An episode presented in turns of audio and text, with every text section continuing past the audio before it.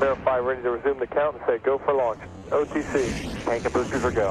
TTC, TTC is go for launch, sir. And thank you. Velkommen til Rumsnak, en podcast om rumnationen Danmark og de danske rumaktiviteter inden for både forskning og forretning. Mit navn er Tina Ibsen. Jeg hedder Anders Høgh Nissen. Spænd selen og start nedtællingen. Vi er klar til affyring. one, zero, and liftoff. All right, uh, lift off and the clock has started. Velkommen til Rumsnak, hvor vi denne gang ser nærmere på jordobservation og satellitdata. Ja, vi har talt med Rasmus Borgstrøm fra firmaet DHI Gras, der lever af at samle og analysere data fra satellitter, som kan hjælpe os med alt fra kystovervågning til planlægning af infrastruktur og veje. Det kan man høre meget mere om lige om lidt, men der bliver også tid til rumnyheder, det ved jeg, du altid øh, godt kan lide, Anders, hvor vi skal, øh, blandt andet måske skal tale lidt om Mars, kunne jeg forestille mig, og nogle af alle de sonder, der er ankommet til den røde planet her for nyligt. Jeg tror, det er en lille smule svært at komme uden om Mars den her gang, og der er sket rigtig meget de sidste 14 dages tid, så lad os komme i gang med den her episode. Jeg hedder Anders Høgh Nissen. Og jeg hedder Tina Ibsen. Velkommen til. Three, two, and liftoff. Ja, vi skal snakke om øh, data fra satellitter, men først så tager vi lige som lovet et par korte nyheder fra Rumland. Og Tina, jeg synes simpelthen, du skal have lov til at lægge ud og fortælle om øh, NASA's Perseverance rover, som ankom til Mars den 18. februar, fordi det har du om nogen fulgt med i. Det må man sige. Jeg har tænkt på meget lidt andet end Mars den sidste ja. uges tid. Men altså, Perseverance ankom jo til Mars, landede den 18. februar, og det gik rigtig godt. Det var lige efter bogen, landingen skete, hurra, folk var glade i NASA's øh, kontrolrum med de, altså der var selv nogen, der brød lidt coronarestriktioner og krammede hinanden og så videre, men, øh, men alt var godt derfra. Herefter, jamen, øh, så har der jo været den første del af missionen, som nu er i gang. Altså, så man er ikke gået i gang med det, man kalder øh, science-missionen endnu.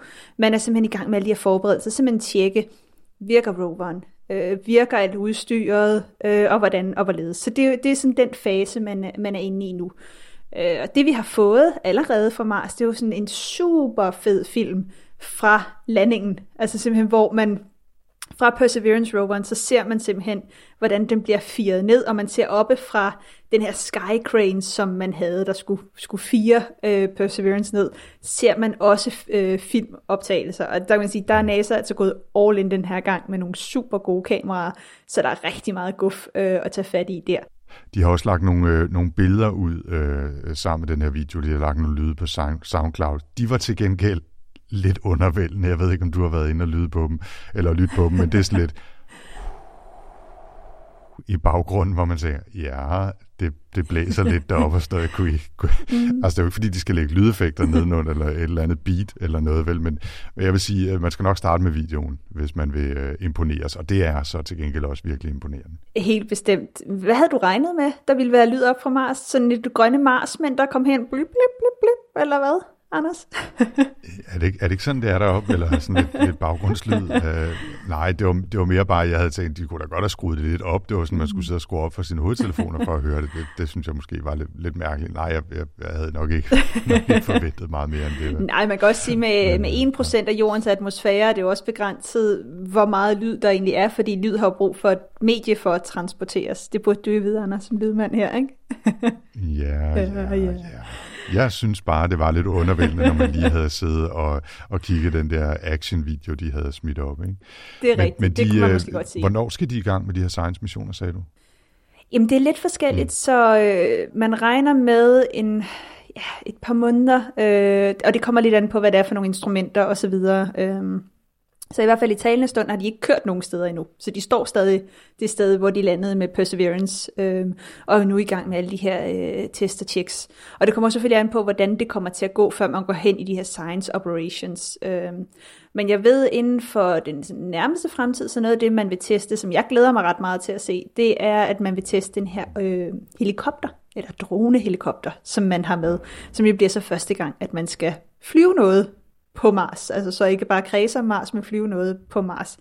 Øh, det bliver ret fedt, og jeg glæder mig også til at se de billeder, der kommer ud af den her se. Altså simpelthen, hvordan, altså hvor let er det at flyve? Fordi som sagt, atmosfæren er 1% af jordens. Der er altså ikke særlig meget at flyve i.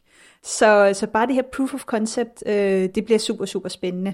Og så kommer vi jo til de næste uger at få flere lydklip og, og en masse flere billeder derop fra. Øh, så så det, det bliver super spændende, og der er jo også kommet en masse øh, billeder af de danske instrumenter, blandt andet den her... Øh, øh, ja, hvad kalder man en kalibreringsskive, som er lavet på, på Niels Bohr Instituttet af blandt andet øh, Morten Bo Madsen, som vi havde inden sidste år her i Rumsnak. Han har jo lavet sådan en farvekalibreringsskive, øh, fordi det er jo, når man skal tage billeder af Mars, så tager man jo billeder af skiven først, mm for at sige, jamen, hvordan ser farven ud, hvor, hvor meget støv er der i atmosfæren lige nu, og hvordan er det i forhold til de sande farver. Og så kan man så gå ind og tage sine billeder bagefter, og så kan man kalibrere det, så det bliver kan man sige, sande farver, vi får ned, når vi ser det. Øh, ligesom mange tager simpelthen et hvidbillede først, når man skal tage portrætbillede eller lave film eller sådan, så tager man lige et billede først af en fuldstændig hvid skærm, øh, for simpelthen at se, øh, hvordan er lysforholdene osv. Apropos øh, danske instrumenter, så var der jo faktisk en grund til, at øh, jeg ævlede om lyd lige før. Det er jo fordi, det faktisk er det danske firma DPA, der har lavet mikrofonerne, øh, som sidder i roveren. Så der er faktisk en hel masse dansk udstyr i Perseverance, som øh, jo gør det ekstra spændende for os at følge med i, og det kommer vi helt sikkert også til at gøre i fremtiden. Før vi øh, forlader Perseverance og hopper videre øh, til, til flere nyheder, og sikkert også lidt bonus, hvis jeg kender mig selv øh, ret, har du set, at, at NASA-folkene faktisk havde indkodet et hemmeligt budskab i farvekoderne i faldskærmen, som man jo filmede op på, da den røg ned? det må man ikke fortælle til nogen. Ej, jeg havde godt set det. altså nu vil jeg sige, nu har der været en artikel om det på DR.dk, så, så jeg er rimelig sikker på, at den er sluppet ud nu. Ikke? Det synes jeg simpelthen er nørdet på et fantastisk højt og vidunderligt niveau. Ikke? Og det, de har gjort, det er, at de har simpelthen brugt øh, altså et, en sekvens af røde, røde og hvide paneler i faldskærmen til at signalere henholdsvis 0 og 1 øh, i det binære talsystem, og har altså skrevet Dare Mighty Things, som er NASA-centret Jet Propulsion Labs øh, motto i faldskærmen, som sådan en slags hemmeligt budskab, som jo så bliver afkodet via Reddit og Twitter-brugere og alt sådan noget. Jeg synes simpelthen, det er så vidunderligt, når folk gør sådan noget. Og du kan være helt sikker på, at forskere og nørdede typer, de er de første, der, øh, der gør sådan nogle ting, ikke? ja. Men altså, der har jo været øh, andre nyheder de forgangne uger. Øh, måske skal vi lige følge op på, at vi sidste gang fortalte, at ESA jo er gået i gang med at jagte nye astronautkandidater. Og det bliver, som vi også talte om sidste gang, jo næppe en af os to, øh, Tina, der skal afsted. Øh, du, du er for lille, jeg er for gammel, eller hvordan det var, jeg ved ikke. Jeg er for stedig, fald, tror jeg, man, Anders. Det, nej, det var stadig, ja, det var sådan, det var, ja. Nu kommer det til min højde igen, det gør det altid. Det, det er mig, der er gammel, det er dig, der er lille. Det, okay, sådan er det ligesom, ikke? Ja. Øh, hvis man nu sidder derude og synes, man har lidt bedre chancer, eller er lidt mere motiveret, end vi er, så løber ansøgningsperioden fra 31. marts til 28. maj i år, øh, så man kan altså stadig nå at være med. Så skal man igennem en udvalgelsesproces, og den forventes så afsluttet til gengæld 1. i oktober næste år. Så der går altså et stykke tid, før vi finder ud af, hvem der er det. Og så fandt jeg faktisk øh, også ud af, det tror jeg ikke, vi snakkede om sidst, at øh, ESA også denne her gang øh, søger det, de kalder for parastronauts eller parastronauter, altså personer, som er altså psykologisk og kognitivt og teknisk og professionelt fuldt kvalificeret til at være astronauter, men har et eller andet fysisk øh, handicap, som ellers under normale omstændigheder eller tidligere ville have forhindret dem i at blive øh, optaget eller komme videre i ansøgelsesprocessen. Og det synes jeg er super, super fedt. Altså virkelig en, en god idé og et, et godt initiativ. Ikke? Og så vil jeg faktisk også sige, Anders, nu siger du, du er for gammel, men de sagde, man skulle være under 50 på ansøgningstidspunktet. Og ja, så kan jeg faktisk lige akkurat nå Du kan lige nå det. I en lidt anden øh, kategori af historie, for lige at snige en enkelt øh, nyhed med ind, øh, som ikke relaterer sig til Mars eller astronaut. Og så faldt jeg over et projekt, som har det mundrette navn Dark Energy Spectroscopic Instrument Legacy Imaging Surveys. Værsgo at skylle. De har i øh, de sidste seks år arbejdet på at lave det hidtil største og mest detaljerede rumkort med 1 milliard galakser i. Og det er i sig selv et fantastisk arbejde, men faktisk så er det kun første skridt for forskerne bag, som kommer fra Kitt Peak National Observatory og Ceratololo hedder det vel, Inter-American Observatory. De vil også lave en tredimensionel version af kortet, så man for alvor kan få en fornemmelse af, hvor galakserne ligger henne i forhold til hinanden. Og det kort, det skal ganske vist kun indeholde 35 millioner galakser, men kommer alligevel til at tage fem år at lave, fordi der skal så mange nye observationer, data og analyser til. Jeg ved ikke helt, hvordan man kommer til at se det der 3D-kort, men prøv lige at forestille dig at tage sådan et par VR-briller på, og så kunne altså nærmest flyve rundt i en tredimensionel udgave af, af universet og se, hvor galakserne... Altså, det vil være helt vildt Det vil fedt, være. Det så mig. fedt. Altså, men jeg tænker også, altså, Ja. Det, er jo, det er jo en helt anden udfordring, de skal i gang i her, når man går fra 2D til 3D i universet. Øh, det, det er altid det, der er svært at finde afstandene til noget, så det er jo det er jo ikke bare, kan man sige, de fortsætter arbejde, men det er et helt nyt stykke arbejde, de skal i gang med for simpelthen at afstandsbestemme øh, de her galakser. Så øh, det bliver super spændende at følge. Ja. Indtil da, så kan man øh, klikke sig rundt i øh, 2D-kortet øh, med en milliard galakser øh, via det link, som vi selvfølgelig nok skal lægge i show notes. Og så skal vi altså have øh, en bonus. Jeg har på fornemmelse, at der måske er flere end en bonus, men må jeg ikke få lov til at lægge ud? Okay, Anders, det får du lov til. Okay, ja. Men det er bare fordi, at øh, anden sæson af den serie, der hedder For All Mankind, netop er startet på Apple TV+, Plus, som jo er Apples øh, streaming øh, tjeneste. Og de har så ovenikøbet også lanceret en podcast, som følger serien og dens karakterer og fortæller om forskningen og videnskaben bag osv. Og For All Mankind, det er jo det, der hedder alt history eller alternative history, hvor øh, vi befinder os i en verden, hvor Sovjetunionen kom først til månen, og nu har både USA og, og Sovjetunionen baser derop, selvom vi kun er i starten af 80'erne, og det har jo også været med til at skubbe på noget af computerudviklingen, så den er gået hurtigere, og de har D-mail i stedet for e-mail, altså digital mail i stedet for electronic mail osv. osv. Jeg har kun set første øh, afsnit af sæson 2, men det ligner sig selv, så hvis man kunne lide sæson 1, så er det bare at komme i gang igen. Og jeg synes, det er rigtig fint øh, og underholdende tv, og det er fedt at se noget rumstof, som ikke er sådan noget crazy sci-fi Star Trek ballade, ikke? Nå, Anders, jeg har altså også en lille bonus med, og det handler om os. Okay. Fordi det er sådan, at øh, Rumsnak, vi er jo at finde normalt på Facebook, men nu har vi faktisk også fået en Instagram. Så hvis man kunne tænke sig mere Rumsnak og tænker, Facebook er ikke lige min kop te, jeg vil hellere have deres andet firma, som er Instagram, så kan man følge med der. Vi hedder bare Rumsnak, og øh, der kommer jo, som man kender fra Facebook-siden, en masse lir og gøjl og rumnørderi ud der også. Ja. Jeg har altså også, Tina, bliver nødt til at sige en, øh, en tredje bonus. Men En eller anden dag, Anders, så cutter jeg dig simpelthen bare af. Så slukker jeg og siger, stop, ikke mere rumsnak til dig. det er heldigvis mig, der redigerer. Men nu har vi jo snakket om, at jeg er gammel og, øh, og fylder 50 til sommer. Øh, så vil jeg bare lige tippe dig i god tid, så du eventuelt kan nå at spare op, fordi der er kommet en Rolls Royce, som hedder Phantom Tempus, som faktisk er ruminspireret. Øh, de har, øh, de har hånd, øh, hvad hedder, håndformet 100 øh, søjler i øh, instrumentpanelet af en stor blok af aluminium, som ligesom skal illustrere noget med rotationer af en øh, pulsarstjerne. Og så er hele loftet det er fyldt med små LED-pærer, øh, som, som kan sådan skifte øh, konstellationer og vise stjernebilleder og, og så videre. Og det, jeg synes, det er jo, det er jo rimelig rumrelateret, så øh, hvis, hvis du nu... Øh, altså, det står på ønskesedlen i hvert fald, så kan du gøre mm. med det, hvad du vil. Ikke? Og selvom den i udgangspunktet øh, kun kommer i blå, så er jeg sikker på, at du også kan få den i sort, hvis du spørger pænt. Det er bare, en, det er bare et tip. Det, det, det var bare et lille tip. Jamen, det, ja. det er godt at vide, Anders. Så jeg går i gang med at sætte øh, bolig til salg og, øh, og så videre. Hvis kan gøre jeg, det. jeg tror, jeg skal få et job for nogen, der betaler lidt mere, end, end hvad jeg har i dag, hvis jeg skal have råd til det. Men øhm, det er godt. Jeg har altid fået at vide, at man må ønske sig, hvad man vil. Det er bare ikke sikkert, at man får det. Okay, it's a nice ride up to now. Og lad os så gå i gang med jordobservationer og satellitdata, øh, som jo er et emne, vi har været forbi tidligere, ikke, Tina, hvor vi øh, øh, har talt med Christoffer Karoff om mange forskellige slags jordobservation. Det var i episode 14, og øh, i episode 6 allerede, der talte vi om øh, klimaforskning med satellitter, blandt andet. Det skal vi selvfølgelig nok linke til. Vi talte også en del dengang om ESA's øh, Copernicus-program og de såkaldte øh, Sentinel-satellitter, øh, og det er også dem, som Rasmus Borgstrøm og DHI Gras bruger rigtig meget, som vi vender tilbage til i interviewet med ham. Men sagt helt kort, så findes der en håndfuld af de her forskellige Sentinel-satellitter, som er udstyret med forskellige kameraer, radar og så videre, og som sender tonsvis af data, både til forskning og forretning. Men vi har jo kigget på jorden oppefra med satellitter, også længe før der var noget, der hed Copernicus og Sentinel. Ja, og altså hvis vi skal skrue tiden tilbage og sige, hvornår startede det egentlig, jamen øh, så skal vi lidt mere end 50 år tilbage i, øh, i historien.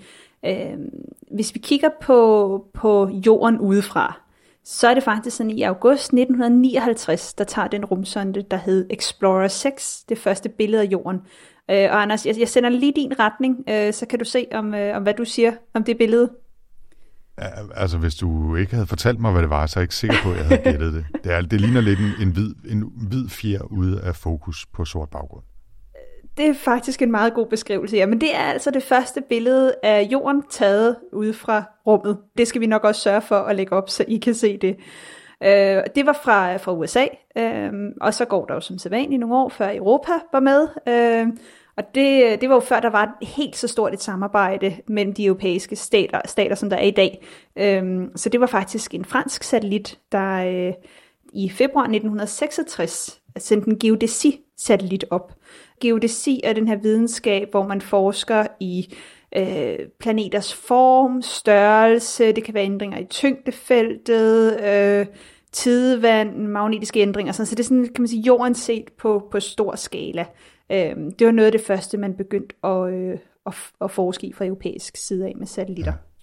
Og det var i øh, 1966, ikke? Den franske satellit øh, Diapason hedder den vel? Oui, oui.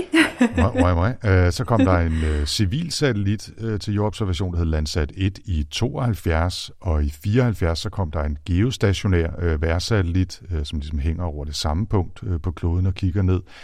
Japan meldte sig ind med en satellit, der hed MOS 1A i 1987, og så er det jo ellers gået rimelig meget slag i slag øh, siden i accelererende hastighed, ikke med både øh, øh selvfølgelig mange flere øh, øh, amerikanske og europæiske satellitter, men også kanadiske og kinesiske og indiske og mange andre landes øh, satellitter i omløb. Så i dag er der faktisk op i nærheden af 5.000 satellitter, øh, og cirka 700 af dem øh, fokuserer sig specifikt på jordobservation. Ja, men de her mikrosatellitter, der også sendes op, så skal man altså ikke høre det her, øh, den her episode for langt fra, at vi har optaget den, fordi så er de her tal, de gælder ikke så er der, mere. Så er der 40.000 deroppe. Ikke? Ja. Jo. Men, men kigger vi på de her satellitter, der kredser om jorden, så er det sådan, at der er faktisk forskellige øh, baner, øh, og der er forskellige ting, man skal være opmærksom på, når man sender en satellit op. Fordi det er sådan, jo lavere en satellit ligger over jordens overflade, altså det vil sige, jo tættere på jordens tyngdefelt man er, jo hurtigere skal den simpelthen bevæge sig rundt om jorden, for ikke at falde ned igen. Og det betyder, at der findes de her forskellige typer af baner, og så forskellige typer af formål, øh, man har for de satellitter, der ligger i de her forskellige baner. Så hvis vi starter udefra, nu snakker du om en geostationær satellit lige før, øh, der har man det, der hedder High Earth Orbit, eller HEO, og det er nemlig her, hvor man finder alle de geostationære satellitter. Det er omkring 36.000 km over jordens overflade.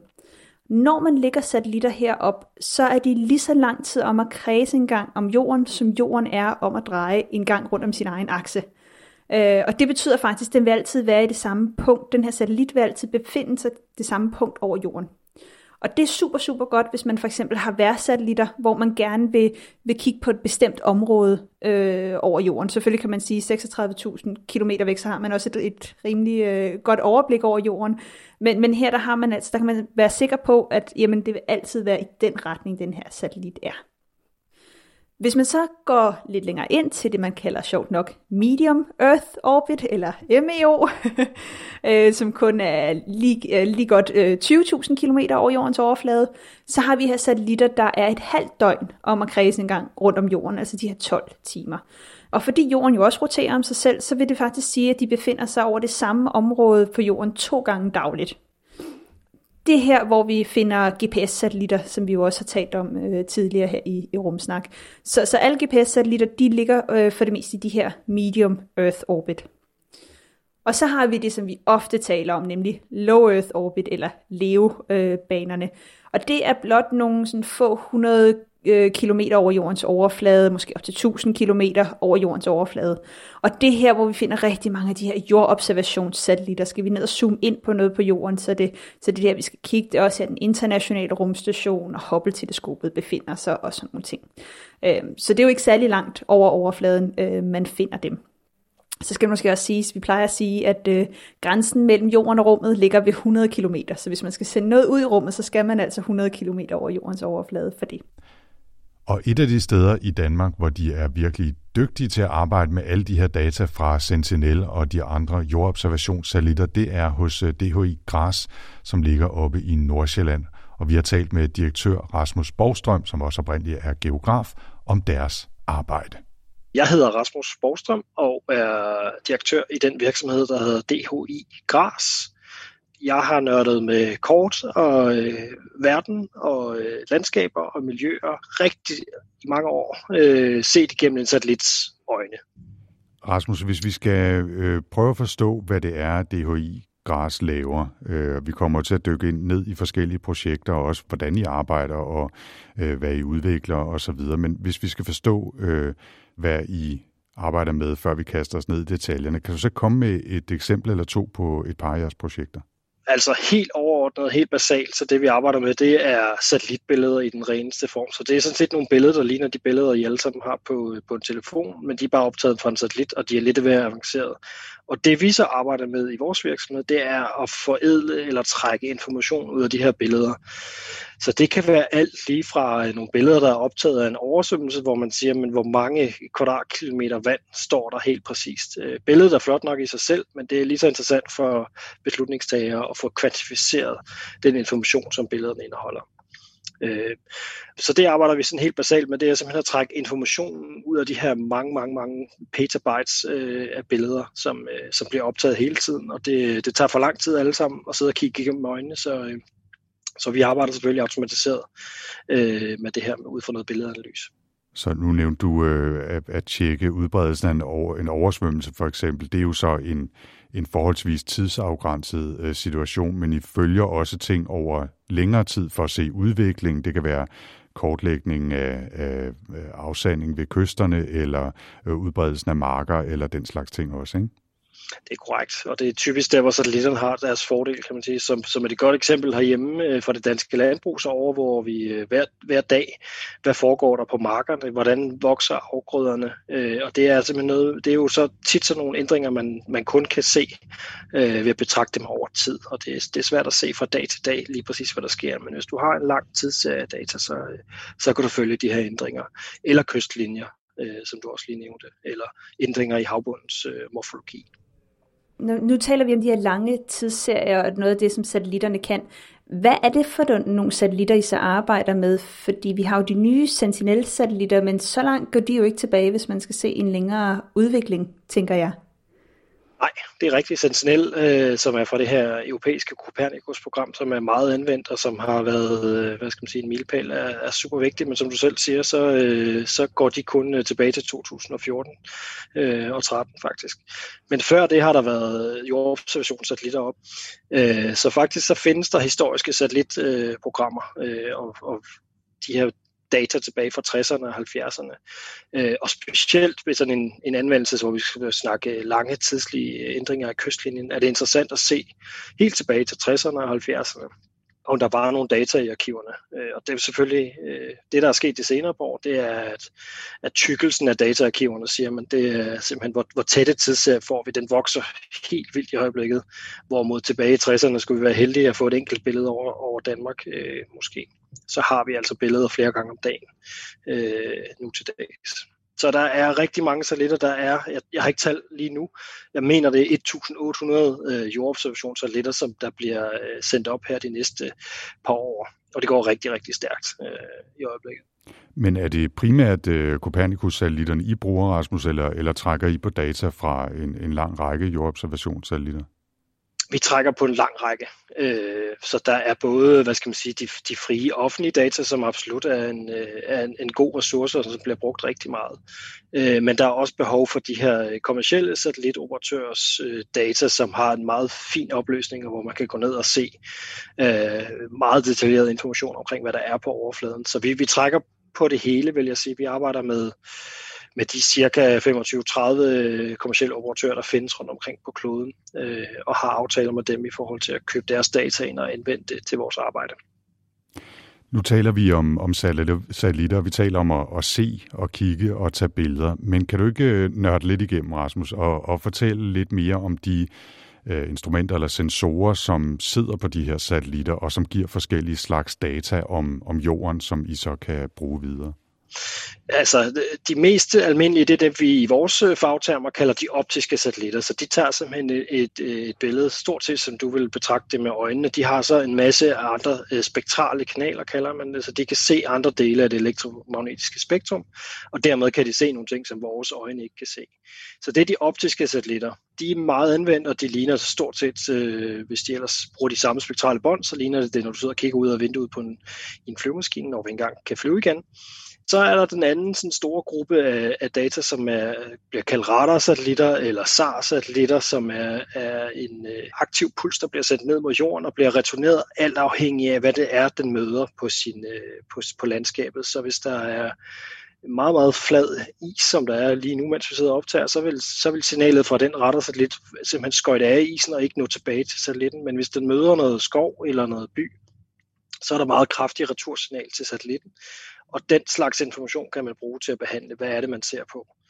Øh, så det er sådan de to overordnede grupper. Så er der selvfølgelig subgrupper øh, inden for de optiske, at man nu begyndt at lancere satellitter med video, øh, så man simpelthen har et videosekvens, øh, som optager nogle steder det er 90 sekunders video, fordi så er satellitten simpelthen suset forbi igen. Øh, den har så meget fart på, at den, den kan måske betragte øh, Aarhus i 90 sekunder, og så skal den videre. Okay. Øh, så er der øh, endelig, øh, hvad skal man sige, seneste skud, eller som, som ikke er så udvendigt eller udbredt endnu, men som er der, øh, kaldet øh, Space Lasers eller LiDAR data, som er en, en, også er en aktiv sensor, som øh, bruges til at sige noget omkring højden på skove, øh, siger faktisk også noget omkring, hvordan, hvor vanddybden er, øh, og bliver brugt til, øh, til klimadataindsamling øh, også det var sådan, de øh, sensorer og instrumenter, der sådan er. Og så findes de alle mulige afskygninger selvfølgelig. Nogle er gode til at betragte store områder, nogle er gode til at betragte små områder, nogle kommer forbi hyppigt, øh, nogle er, er ikke så hyppige, og det er sådan lidt øh, nogle gange en jungle at finde ud af, men det er ligesom vores verden at sidde og, og vælge de rigtige satellitter til de rigtige anvendelser.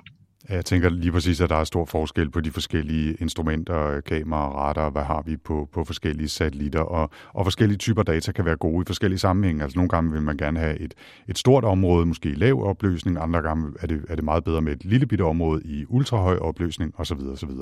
Men for at give os et, et indtryk af, hvor høj detaljegrad man kan komme op i med de her billeder? Altså, hvor små afstande kan man i virkeligheden afkode med, med typiske satellit? I virkeligheden så ved jeg ikke, hvad det rigtige svar er, fordi der, jeg ved, der findes militære satellitter, hvor, hvor det ikke er kendt for, for offentligheden præcis, Aha. hvor gode de er. Men det, vi har adgang til som civile, øh, der plejer man at sige, at man er nede omkring det, ved en rummelig opløsning på 25 cm, så det vil sige, øh, hver pixel vil udgøre 25 gange 25 cm på, på jordoverfladen.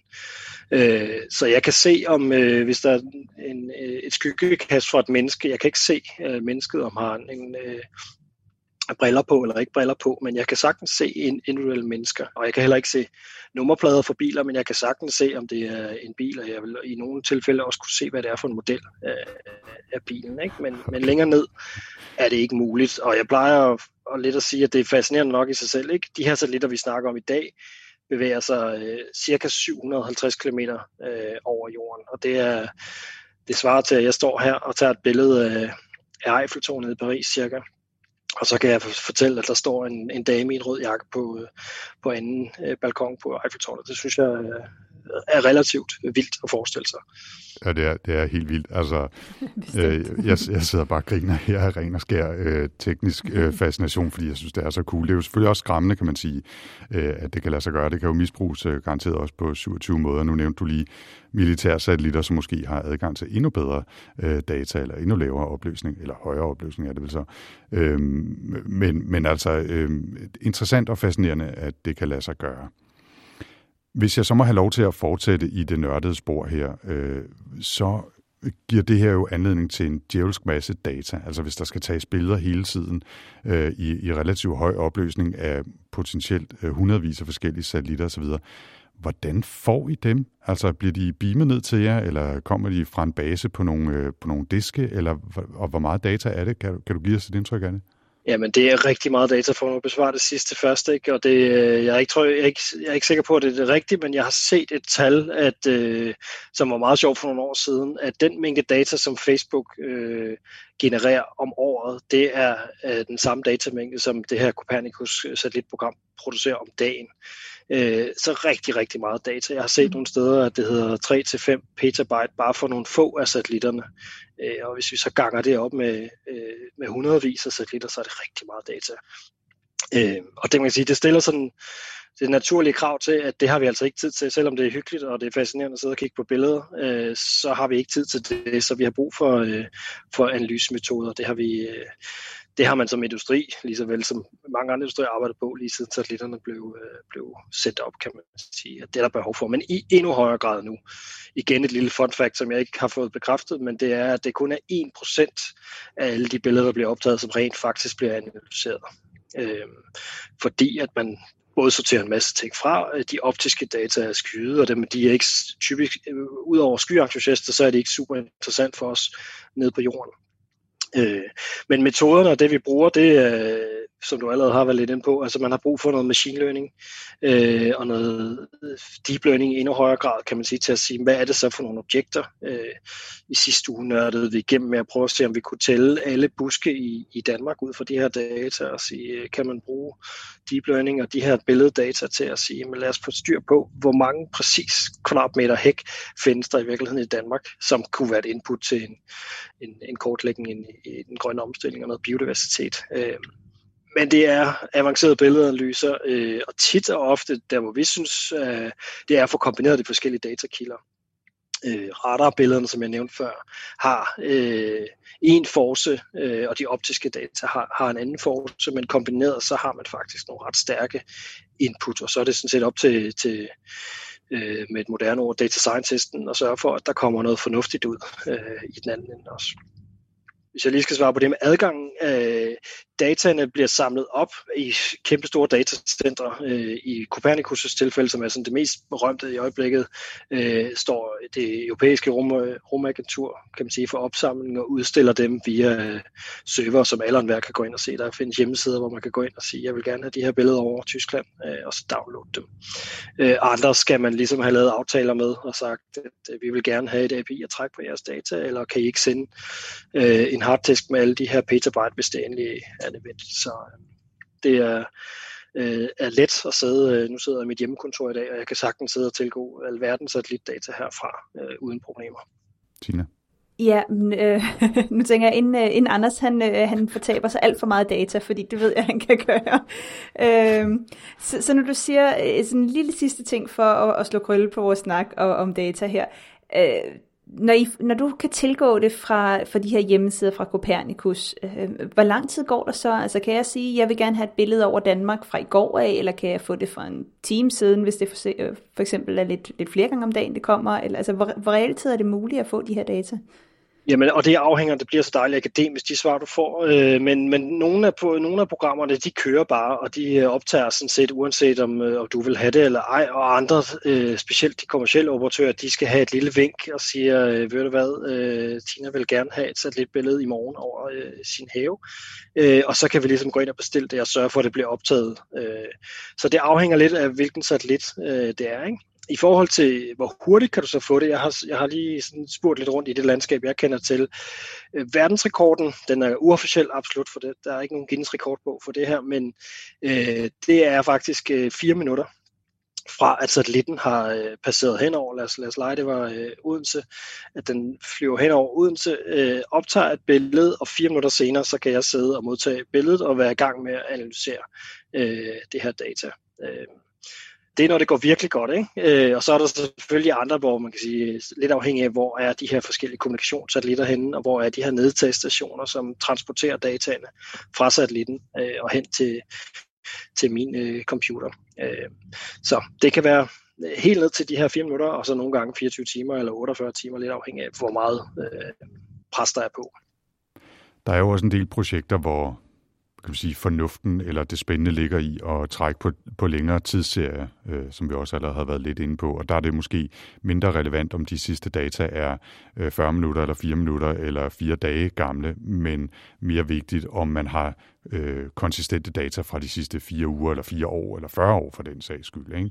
Jo, korrekt. Rasmus, øh, kan du ikke øh, komme med et eksempel eller to mere på, på nogle af de projekter, I arbejder med? Øh, det, det strækker jo vidt. Altså, vi har talt om oversvømmelser, men der er også øh, udbredelse af marker og buske i Danmark og øh, byplanlægning og øh, mange ting, som er relevante også især for, for vores arbejde med den grønne omstilling, jo altså med at forsøge at lave mere klimavenlige miljøer omkring os. Øh, så et, et par eksempler mere vi så ligesom skal tage starte øh, i det globale perspektiv, så, øh, så er der, skulle man ikke tro det, men der er rigtig mange steder på, på kloden, som ikke er kortlagt. Øh, og det gælder faktisk øh, rigtig meget i, i havet selvfølgelig. Der er rigtig meget havbund, og specielt inde i kystzonen.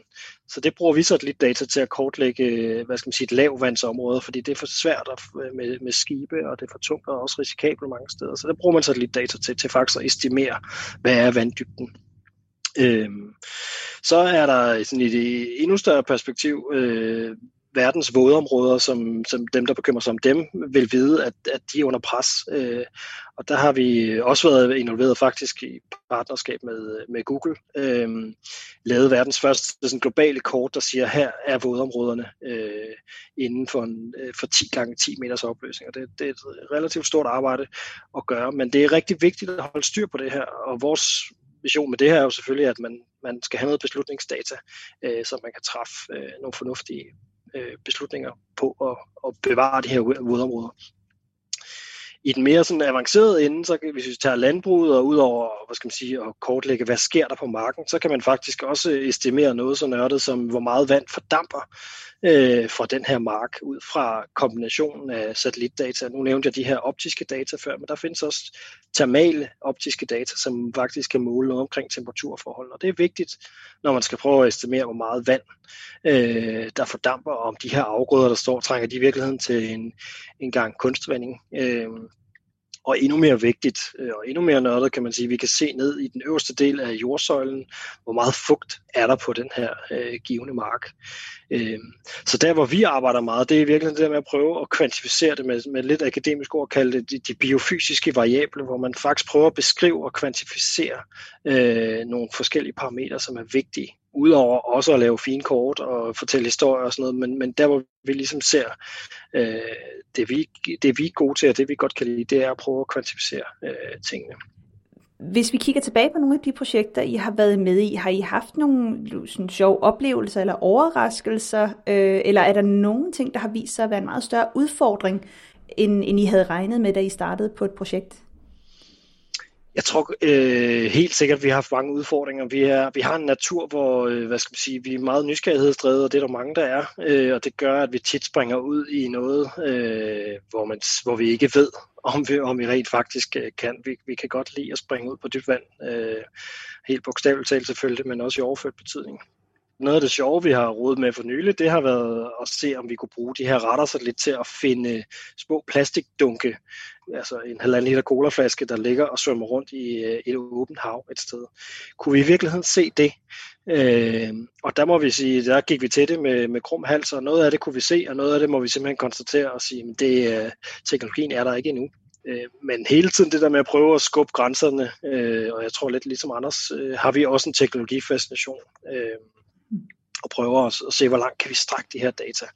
Men jeg vil sige, udfordringer er der, er der sådan set nok af. Det er, som jeg allerede har været inde på, enorme mængder data, og hvis man, øh, man skal tænke sig godt om, inden man får startet et, et stort analyseapparat op. Man kan godt få øh, gjort øh, de forskellige cloud providers rigtig glade, fordi vi får brugt en masse cloud-trafik og en masse storage, øh, så, så det skal man tænke sig godt om. Man skal huske ikke at gøre det på en mobilforbindelse og risikere at komme til at betale for, for den datatrafik, han, man har brugt mere, end der var i ens abonnement. Det er i hvert fald godt at have en god øh, flat fee-ordning med sit øh, mobilselskab hvis ja, det tror jeg. Det jeg tænker også, en stor del af udfordringen, nu taler vi meget om, om satellitterne og de billeder, de kan, de kan generere de store datamængder, men en stor del af udfordringen ligger jo også i at lave de øh, avancerede algoritmer, den machine learning eller deep learning, der skal bruges til at trække øh, viden eller øh, nye, nye opdagelser ud af de her data, og, og for den sags skyld visualisere dem eller præsentere dem på en måde, så de giver mening, så man kan forstå dem. Altså, der, der ligger vel en stor del af arbejdet der, ikke?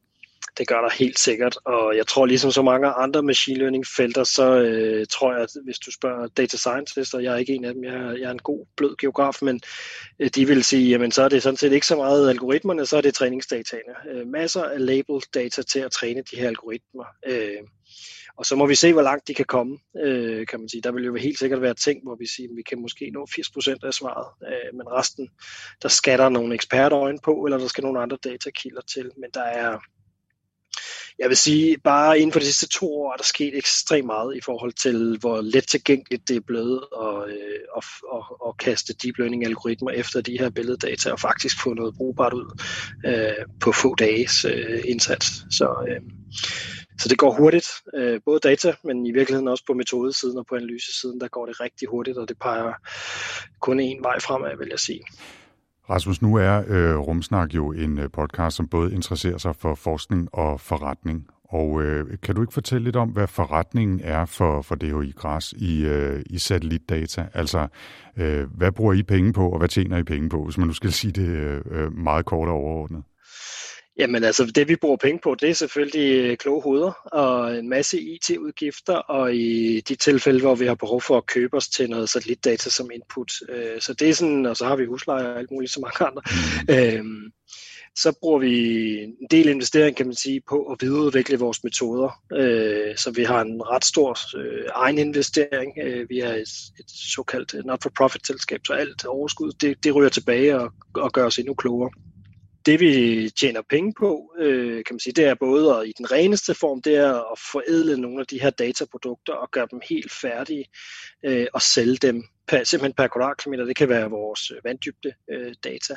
Og så laver vi ellers rigtig meget, øh, hvad skal man sige, rådgivning. Øh, kommer og rådgiver og siger, øh, i vores tilfælde med landbruget, arbejder vi meget med den danske landbrugsstyrelse, som har øh, nogle EU-reformer og nogle forpligtelser, de skal leve op til, og hvordan kan man bruge satellitdata det. Og der er jo en masse snak øh, og en masse fælles udvikling, øh, der går ind i det. Øh, og det skal vi selvfølgelig have, have betaling for, øh, kan man sige. Øh, så det er sådan en blanding af... Øh, hvad skal man sige, god gammeldags konsulent øh, bistand, hvor vi laver en opgave, men, men så også har de her dataforretninger, hvor vi sælger øh, sådan de rene datavarer øh, videre. Og er det primært det Danmark, eller er det også internationalt? Øh, vores marked er meget internationalt. Øh, man kan sige, I Danmark er vi så øh, forkælet, plejer jeg at sige, at der er så rigtig mange gode data. Vi har så mange offentlige gode data, at det er faktisk svært for virksomheder at, at, at tjene rigtig penge på det. Øh, men i udlandet er der mange store områder. Vi arbejder meget i udviklingslandene, og der er der altså desværre ikke den samme forkælelsesgrad af, af gode data over, hvordan landskabet ser ud. Så, øh, så det er meget internationalt i vores øh, tilfælde. Øh, hvor man kan sige generelt, hvis jeg skal hæve den op i helikopteren, så den øh, hvad skal man sige, markedssegment, vi tilhører, det, det hedder typisk jordobservationsmarkedet, og den del, som vi arbejder i, det, det hedder value add segment, det vil sige, man, man tilføre noget værdi til de her rådata. Og jeg så lige øh, et konsulenthus, PricewaterhouseCoopers, tror jeg, der havde estimeret den nuværende markedsandel til 3 milliarder dollars. Øh, så det er en pænt stor øh, forretning efterhånden, og dem alene, der bare lever af at sælge data, det er firmaer som, som Airbus og, og andre store amerikanske firmaer, de øh, omsætter i, i, i rene data for 1,6 milliarder øh, dollars. Så det er nogle pænt store tal, faktisk. Selvom det er en meget nørdet øh, branche, så er den efterhånden ved at være vokset ret stor. Mm.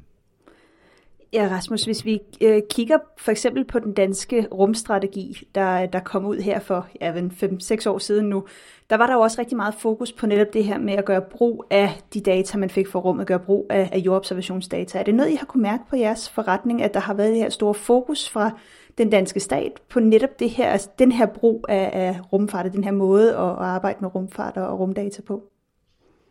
Helt sikkert. Jeg synes, det er svært lige at pege tilbage på, om det har været den, men jeg vil sige helt generelt, altså vi har beskæftiget, vi har, vi har haft 20 års jubilæum sidste år, og de sidste 3-4 år har vi virkelig set en, øh, både en, en vækst i vores egen forretning, men også en meget stor interesse for, øh, for, for styrelser og kommuner og andre virksomheder i Danmark øh, til at bruge satellitdata. Jeg tror, øh, Copernicus-programmet, øh, hvis jeg sådan lige skulle single en faktor ud, så synes jeg, vi har set lidt det samme, som vi så for 15 år siden, da Google Earth øh, kom frem og ligesom gjorde satellitdata og flyfoto sådan alle mands eje, og alle kunne forholde sig til det. Og på daværende tidspunkt, som en lille kuriosen, der, der, der tjente vi også penge på at sælge satellitdata, og vi tænkte, åh oh, nej, nu kommer Google og gør det helt gratis. Øh, men der tog vi faktisk, når jeg kigger omsætningen igennem, så tog vi et ordentligt hop dengang, fordi at der var flere og flere, der kendte til data, og det samme har vi faktisk set med Copernicus nu. Selvom det er frie og åbne data, og alle i princippet kan gøre det, øh, så har vi faktisk også set en meget stor interesse øh, for det her. Så jeg plejer sådan at, at slå mig lidt på brystet og sige, at øh, satellitbaseret jordobservation er blevet mainstream. Øh, den, det er stadigvæk niche, og det er stadigvæk nørdet, og det skal det heldigvis også blive med at være, men der er faktisk rigtig mange interessenter, som, som begynder at bruge det. Øh, de centrale styrelser herhjemme har taget det til sig øh, over en bred kamp. Øh, mange kommuner arbejder med satellitdata. Øh, så øh, så den, den, er, den er råd ind på, øh, hvis ikke på kakkelbordene, så i hvert fald på, øh, på de forskellige skrivebord omkring. Ja. Rasmus, øh, hvis vi skal begynde at runde af her, så synes jeg, vi skal gøre det med at øh, se en lille smule ud i fremtiden. Altså, øh, hvad er der på vej, og hvad kunne du godt ønske, der var på vej, også hvis vi ser på, øh, på øh, flere data, bedre data, øh, nye typer af projekter? Altså, hvad, hvad, hvad skal du lave, og hvad vil du gerne lave på den lidt længere bane? Altså lige nu er der så meget gang i den, at jeg vil friste til at sige øh, mere af det samme. øh, men jeg synes, det der bliver interessant, det er øh, at følge øh, specielt Silicon Valley-klanen, plejer at kalde dem, rigtig store venturekapital, som har virkelig høje ambitioner.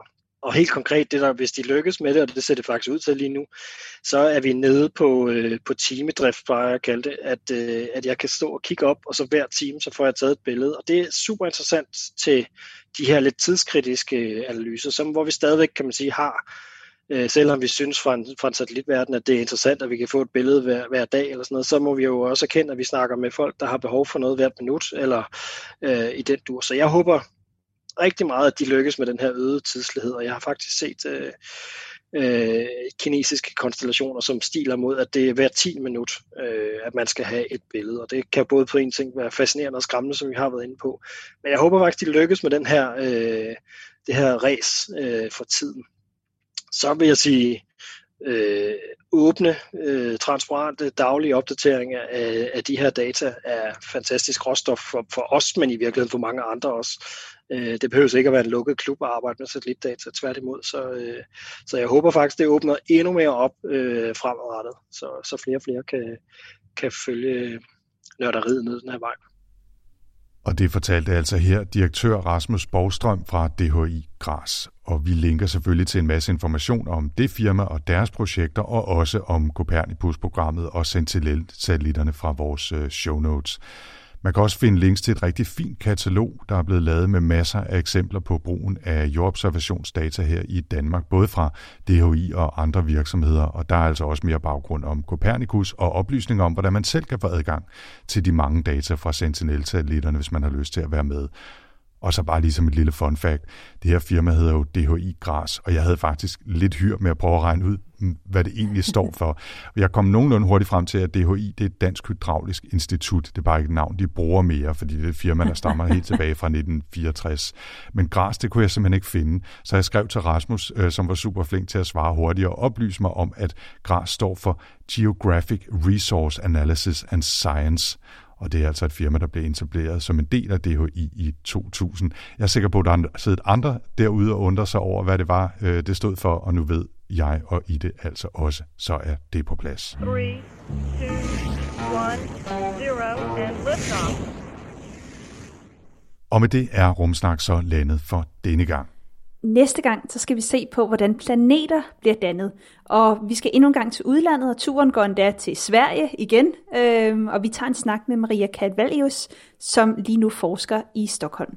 Og hvis øh, 14 dage er for længe at vente på vores øh, næste Rumsnak-episode, så kan du altid følge med på Facebook, hvor vi løbende sender nørdede ting ud.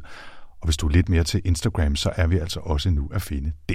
Jeg tænker, Anders, at vi skal begynde at være sådan space influencers måske? Jeg tror, at vi skal kalde det for spacefluencers.